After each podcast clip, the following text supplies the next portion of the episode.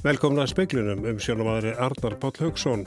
Þjóðarauðryggisráð Írans segir að bandaríkjaman megi búast við hemdum fyrir að vorði Qasem Soleimani einu valdamesta manni landsins að bana. Hann létt lífið í ára á bandaríkjahers í nótt. Kristján Gunnar Aldimarsson, lagmaður og lektor, gengur laus á meðan að laurugla rannsakar mál hans. Landsréttur hafna í dag kröfu lauruglunar um að hann sæti í fjögra vikna gæsluvarhaldi. Leit hefur staðið yfir í allan dag á Snæfellsnesi að Andris Kalvan, ekkert hefur heist frá honum frá því fyrir helgi. 150 björgunarsvitamenn taka þátt í leitinni. Öll börn fætt eftir 2019 verða bólusett við hlaupabólu árunum. Nokkur fjöldi barna leggst inn á barnaspítalan eftir að hafa fengið hlaupabólum á hverju ári. Það má búast við blindrýð við um land á morgun en að það hláni þeirra líður á daginn. Þó að margt megjum Donald Trump segja þá er hann ekki herskár og ættar sér ekki í stríði mið Östurlöndum og það er þónum ekki til framdráttar í fósittakostningunum í haust. Þetta segir sérfræðingur í alþjóðamálum. Þjóðaröryggisráð Írans hótar bandaríkjamennum grimmilegum hemdum fyrir hersöðingjana Qasem Soleimani sem fjalli í dróna ára á bandaríkjahers í Íraki nótt varaði við því að atbyrðurinn eigi eftir að stefna öryggi og stöðuleika í miðausturlöndum í hættu. Þjóðaröryggisráðið er aðsta öryggistofnun Írans. Það er til marg sem mikilvægi fundarins að Ali Khamenei, erkiklerkur, aðsti ráðamaður landsins Satan, eins og Magnús Þorkjell Bernhardsson, professor í sögum miðausturlanda, nefndi í síðdeis útvarpin á Rást 2 í dag. Og hann hefur ekki mætt á þessu fundi mörgund farin ár. Þannig þetta gefur til markum að hversu alveg augum þeir líta á þetta. Þannig að það er líklegt að þeir eru búinir að undirbúa ykkur aðgerir. Það er Það eru líklegt, við vitum ekki hvort þeir gera eitthvað strax en, en, en ég held að þeir Íranir gefa sér tíma, þeir, þeir eru klókir í þessum málum þannig ég get ímynda með þeir noti bæði hefðbunnar og óhefðbunnar afgjöru til þess að eiga næsta leik og, og uh, hvort sem það verður beinleiri skegg bandirískum uh, uh, hagsmunum í meðstulöndum eða annar staðar í heiminum.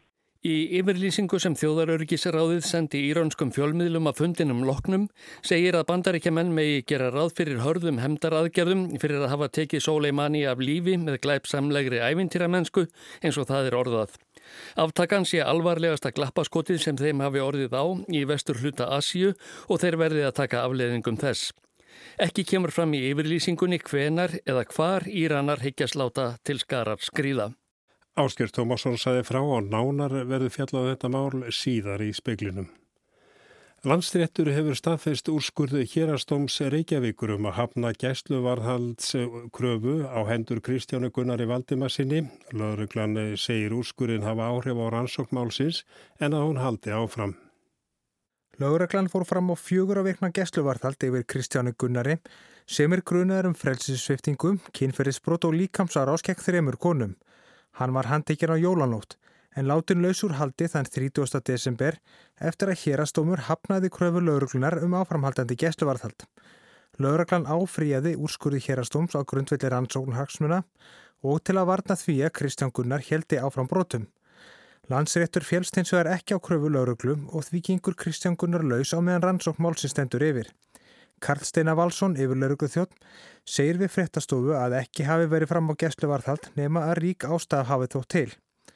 Niðurstaða landsettar hafið því ónýttalega áhrif á rannsóknina en hún haldi áfram og miði vel. Að öðru leiti vital ekki tjásuðu um málið. Lauraglan á höfuborgarsvæðinu fór fram á úrskurðu landsettar er þið ekki byrtur ofinberlega vegna rannsóknar hagsmuna. Það þýðir að ekki einu sinnri rétt að gæslumenn brótaþóla í málinu fá að sjá greina gerð lauruglu og á hvaða fórsetum kröfu laurugnar er hefnað. Magnús Geir Ejálsson saði frá. Um 150 björgunarsveitamenni tóku þátt í leitað Andreysi Kalvan á Snæfellsnes í dag, ekkert hefur heist frá honum með síðan fyrir helgi. Bíl hans fannst mannlaus á mánudag. Leit hófstuð byrtingu og lauk á 5. tímanum í dag. Bíl Andrés fannst mannlaus á Heidal í Nappadal á mánudag. Hann er á 60 aldri og búsettur í Reykjavík. Ekkert hefur heist frá honum síðan fyrir helgi. Hann var einn á ferð og ekki var vitað hvert hann ætlaði. Ægir Þór Þórsson er stjórnandi leitaraðgerða. Eh, við vitum að hann er vanur á fjöllum, gengur á fjöll reglulega, þannig að það er allt sem bendir til þess að hann hafi farið í fjallgöngu. En annars höfum við ekki fundið neina vísbendingar og vitum mjög lítið um ferðir eh, þessa manns. Veðurskilirði hafa verið erfið frá því bíl Andres fannst. Í dag slotaði veðri og leitarskilirði voru loks góð. Björgunarsveitar fólk af öllu vesturlandi, höfuborgarsvæðinu, Suðurnesjum og Norðanur Húnavassíslu tók þátt í leitinni. Við erum að leita með eh, gunguhópum, sexhjólum, fjórhjólum. Við eh, erum að leita hérna svæðin eh, fyrir ofan það sem að bílinn fannst. Ekki verður leitað á morgun vegna veðurs en appelsínu gulviðvörun er í gildi á breyðafyrði á morgun. Enn er óakveði hvort leitað verður á sunnudag. Ægir segir að það verði að sjá til með veðurskilirði og ákverðun verði tekin í samráði við lauruglu. Elsa Maria Guðlaugs Drífudóttur talaði við Ægi Þór Þórsson. Miskabætur vegna Guðmundur og Girfinnsmálsins verða greitar eftir 10. janúar. Guðjóni skarpiði sinni verða greitar 145 miljónir krónar. Ragnar Aðarsteinsson, lagmaður Guðjóns, segir þetta ekki stöða málaferðli hans gegn ríkinum.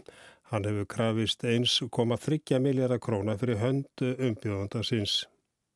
Það var tilbúið á þólasmessu um inn á greiðslu að fjara krónur 145 miljónir til umbjóðanda minns og ég hef tilkynnt fórsæðsrandunu að umbjóðanda minn fallist á þessu einborgun og hún skiptir sko engum álum efnisatriði heldur leiðir engungu til þess að domkaman lækkar sem þessu nemur. Þetta var Ragnar Aðalsteinsson. Öll börn fætti eftir í 2019 verða bólusett við hlaupabólu á árinu. Nokkur fjöldi barna leggst inn á barnaspítalan eftir að hafa fengið hlaupabólu á hverju ári.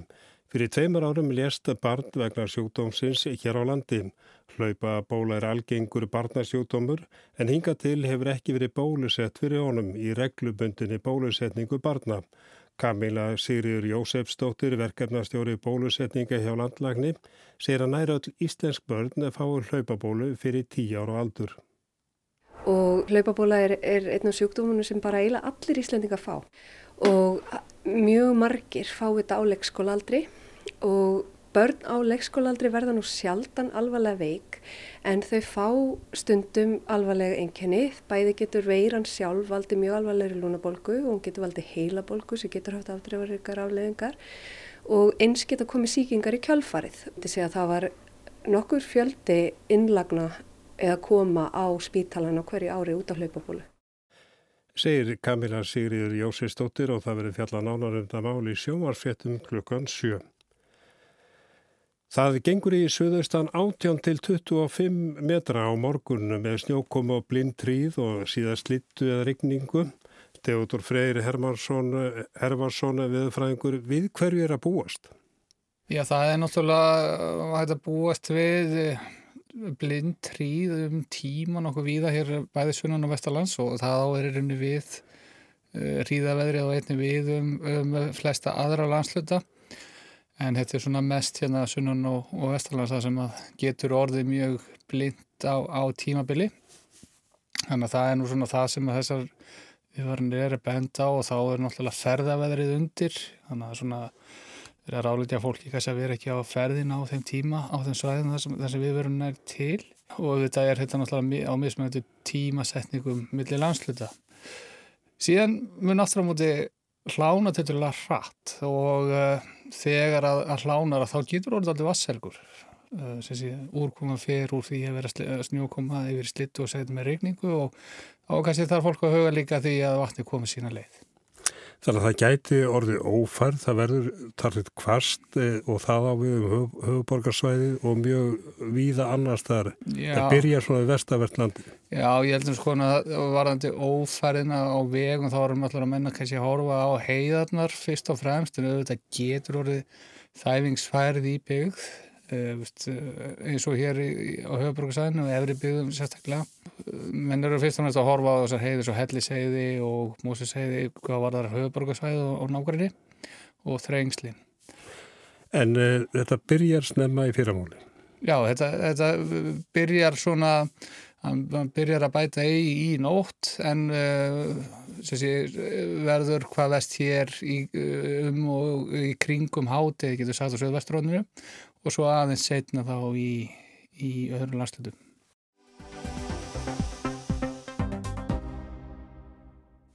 Strísrekstur í miðausturlöndum þjónar ekki hagsmunum Donald Trumps. Bandar ekki fórsita ef hann vill tryggja sér sigur í kostningunum í haust, segir Albert Jónsson, sérfræðingur í alþjóðamálum og fyrirverandi sendir í bandaríkjunum. En árás á sendiráð verði ekki unnað. Donald Trump fórseti bandaríkjana fyrir skipaði nótt dróna árás á bílalest næri bagdað flúvelli í Irak. Árásinn beindist að einum valdamesta herfóringja Írans, Qasem Soleimani, yfir manni byltingar varðliðsins. Hann fjall þar við sjönda mann.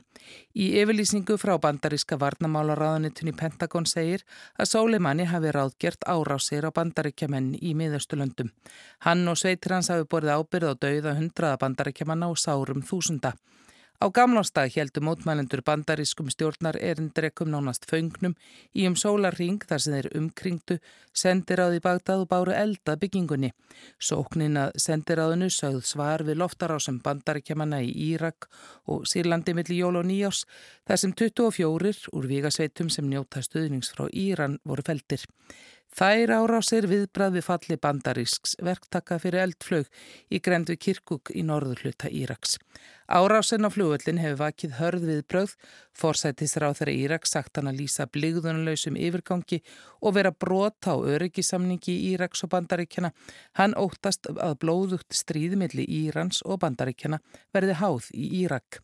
Ráðamenn Íran hafa enda saksmunu hefna, Sólimannís af fullum þunga, margir óttast átökin harni enn og úrverði stríð. Albert Jónsson, sérfræðingur í alþjóðamálum og fyrirverandi sendiherra í bandaríkjunum, segir að árásinn af hálfu Donald Trumps kom ekki á óvart. Klárlega og ekki bara hálfu Donald Trump.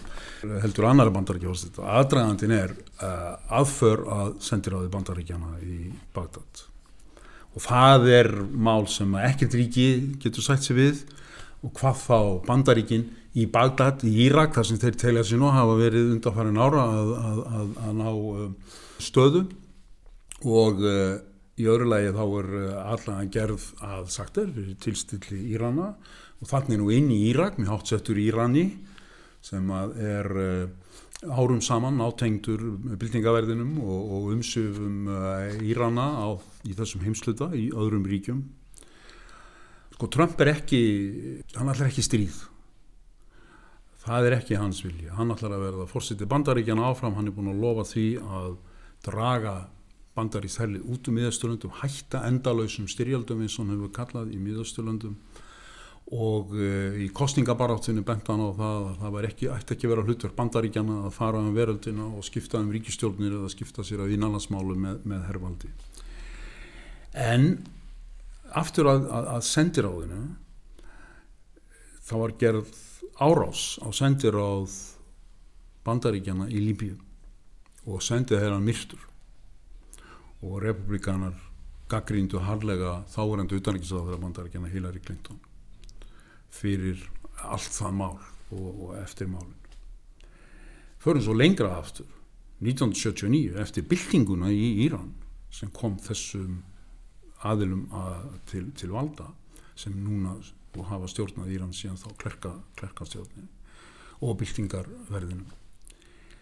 Að þá er tekur múur sér til og herrtekur sendir á bandaríkjana í terra og heldur diplomötunum í gíslingu í meirinn ár. Þannig að í prinsipinu og vegna þessar á sögu þá er aðför að sendir á því bandaríkjana sérstaklega vikant mál. Og þetta er ekki minna að það er margt um Trump segir hann er ekki herskár Vandi Trump sé sá að ekki sé vita hvert viðbræði verður, hvað það kalli mögulega á. Albert segir ekki með í gleima hugmyndafræðina sem að baki líki. Í kostningabartsinni hafi Trump bergmálað skoðan er svo kallaðara raunsægi sinna í öryggis og varnamálum sem hafi árum saman talað fyrir því að bandaríkinn eigi ekki að beita herrvaldi til að skipta út stjórnvöldum í öðrum löndum. Og þeir benda á að bæða það sé, sé ekki, ekki hagsmunni bandaríkjana en, en, en þau benda á fyrst og finnst að þetta strandi alltaf á sama aflinn sem að þeir þjóðarinn sýkja því það er alveg saman hvað fólk er óanlægt með stjórnvaldi sitt að utan að koma aðili þegar að koma og skipta sér að þá endi það allt að segja þessir sérfræðingar á því að fólk hefur tilhengi til að sam, saminast um stjórnvaldi hversu ömulegt sem því kann að finnast það öðru leiti. Albert er líkur á því að Trump hafi sigur í fórstakostningum í haust. Til þess þurfum hann að vinna í likilríkjum og fá kjósendur sína á kjörstað. Og eitt af því sem hann segi þetta fólk að ég er óvenjulegur fórsiti, akkur ég meðan að ég efni kostingalóður. Eitt kostingalóður sem ég gaf var það að bandaríkinn fari ekki út í svona eh, ævintýri og missefnaði leiðangar eins og Írak og Afganistan sem fór kost okkur triljónir dollara ég mun binda enda þetta binda á enda þessi endalösu styrjaldi sem það þjóna engum hagsmunum bandaríkjana en, en þetta, þetta, þetta gengur dýpa, þetta er ekki bara kostningataktik, þetta er líka lítur að hugmyndafræði hans og síðan eins og ég nefndi aðför að sendir á þeir ekki bara viðkvæmt í prinsipinu fyrir ekki bara bandaríkin, ríki, heldur er bara þessi sagað baki árásinn og sendir á því lípi og herrtaka sendir á í terranum árið Í yfirlýsingum bandarkjumanna hefur verið vísa til ráðagerðan frekari árásir að undilagi Sólimannís. Albert segir óvíst hversu mikið verði gefið upp um þær.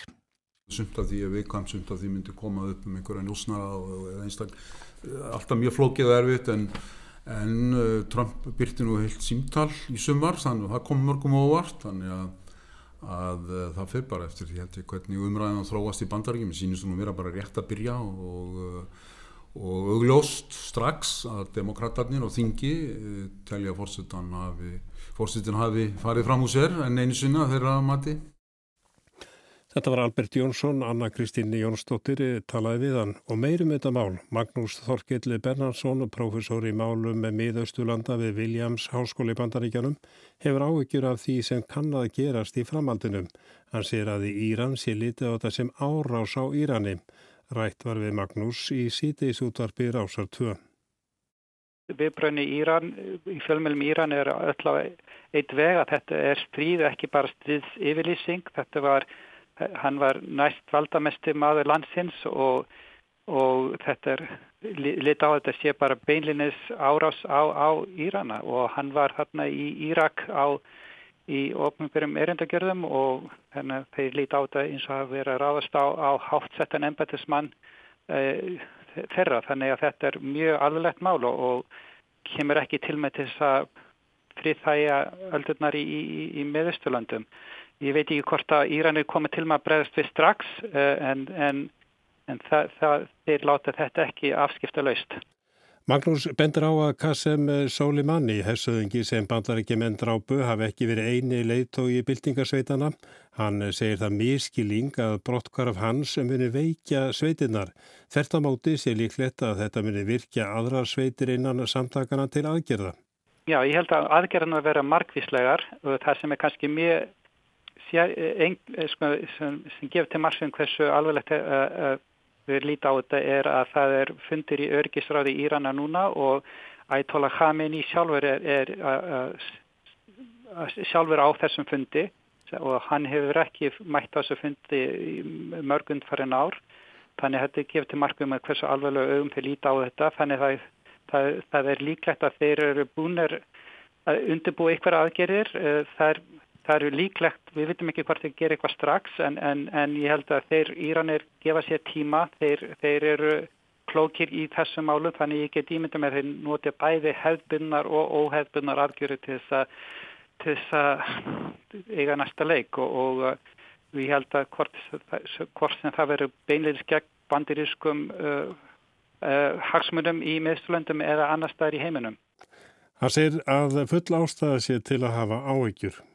Ég myndi segja það já, ef, ef einn valdamesti embatismadur lands er drefin með þessum hætti, þá myndi ég segja að það sé mjög alvarlegt mál, mjög alvarlegt mál. Mér meina, hva, hvernig er hægt að tólka þetta með öðrum hættu? Þetta, þetta, var ekki, þetta var ekki fyrir slisni, þetta var, var skipulöð aðgerð, það sem, uh, það sem mjög valdamikill og og svona sjáanlegur leittói var, var tekin út með, þess, með þessum hætti og, og þetta kemur í kjálfar atbyrða síðlega áttamánuð þar sem spennan er að magnast þannig að þetta er, þetta er til þess að magna enn spennuna sem hefur verið ríkjandi mill þessari landa síðlega ár. Og þetta var Magnús Þorkill Bennarsson.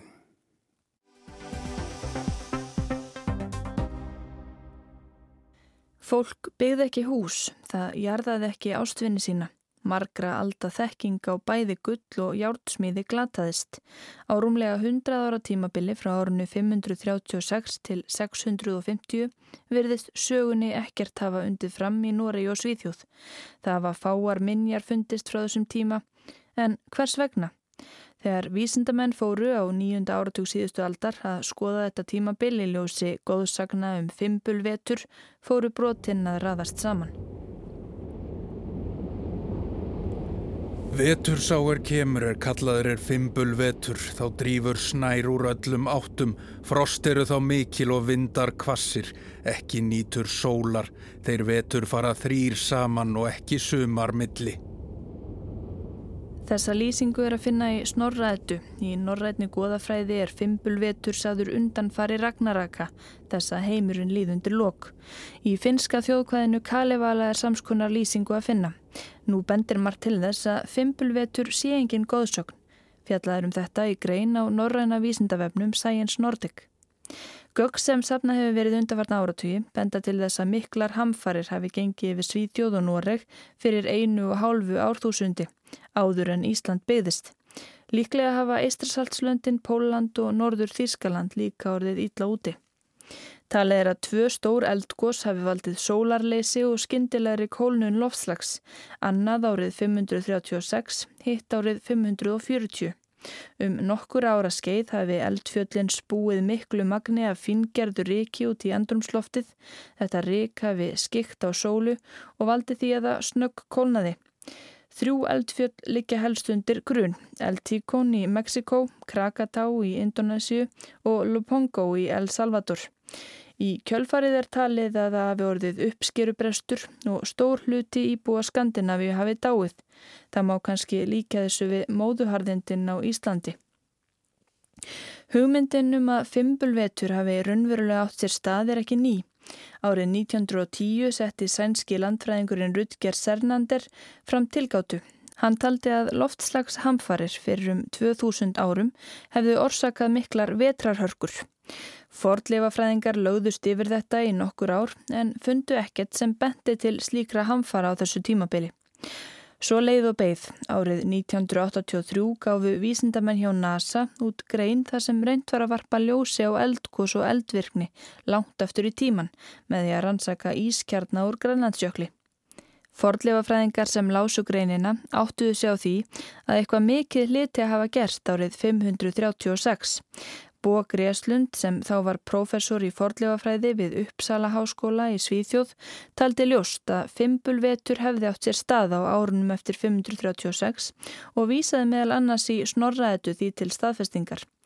Snorri hafi ekki einungist talað um snjóþunga og kalda vetur, heldur samfeldan vetur í þrjú ár, það komu engin sumur. Greslund setti líka fram þá tilgátu að í Svíþjóð hefði íbúafjöldi helmingast á sjöttu öld eftir Krist. Árið 2007 byrtist eftir hann grein í sænska tímaritinu Saga og Set og eftir það fór boltin aftur að rúla. Vísindamenn lögðust yfir gögg sem lágu fyrir og leituðu nýra og með því að innbeita sér að ákveðnu tímabili tókst þeim að draga upp mynd af hörmungar tímum. Tímum þar sem bújarðir voru yfirgefnar, fólk hraktist á brott eða dó. Það finnast nær yngar grafir frá þessu tímabili en fólk færði guðunum meiri fórnir en áður, líklega í vonum betri tíð. Frjókort sem varveittust í mýrum benda til þess að loftslag hafi breyst skindilega. Árringaransóknir á trjádrumbum sem fundist hafa í Rakneháken grafreitnum í Noregi sínaði árið 536 og árin þar á eftir voru afar rýr. Rannsóknir benda til þess að í Rúslandi hafi tríu verið gegn frósinu mitt sumar.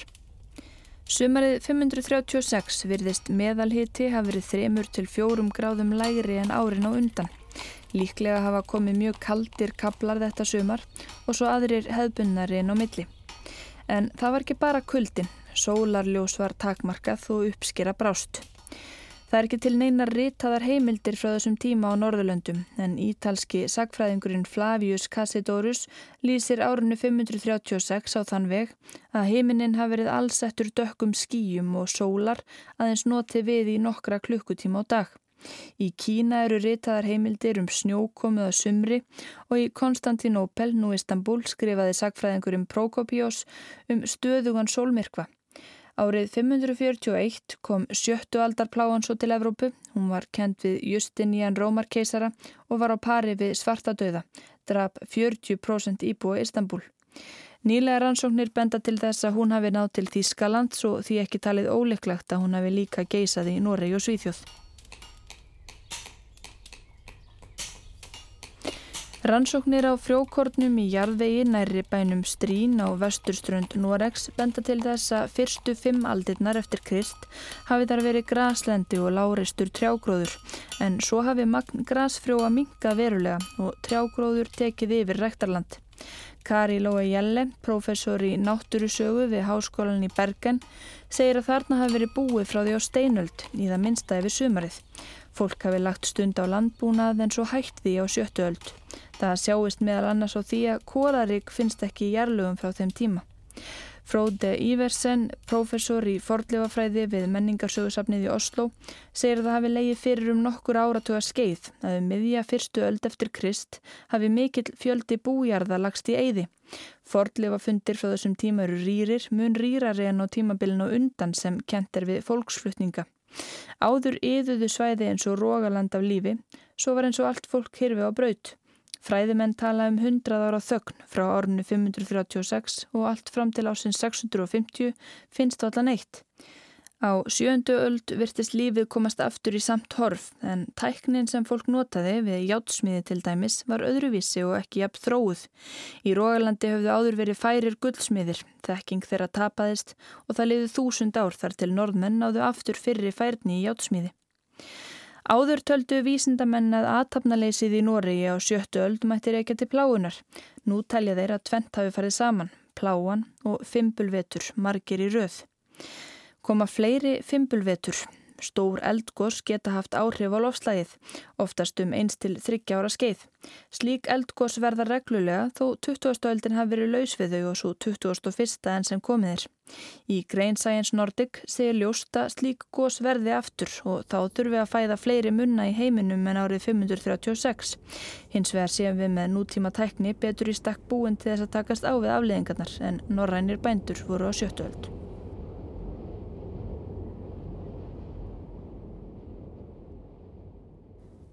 Og það var Arnildur Haldanadóttir sem að saði frá að við ljúkum speiklunum á veðurspáni.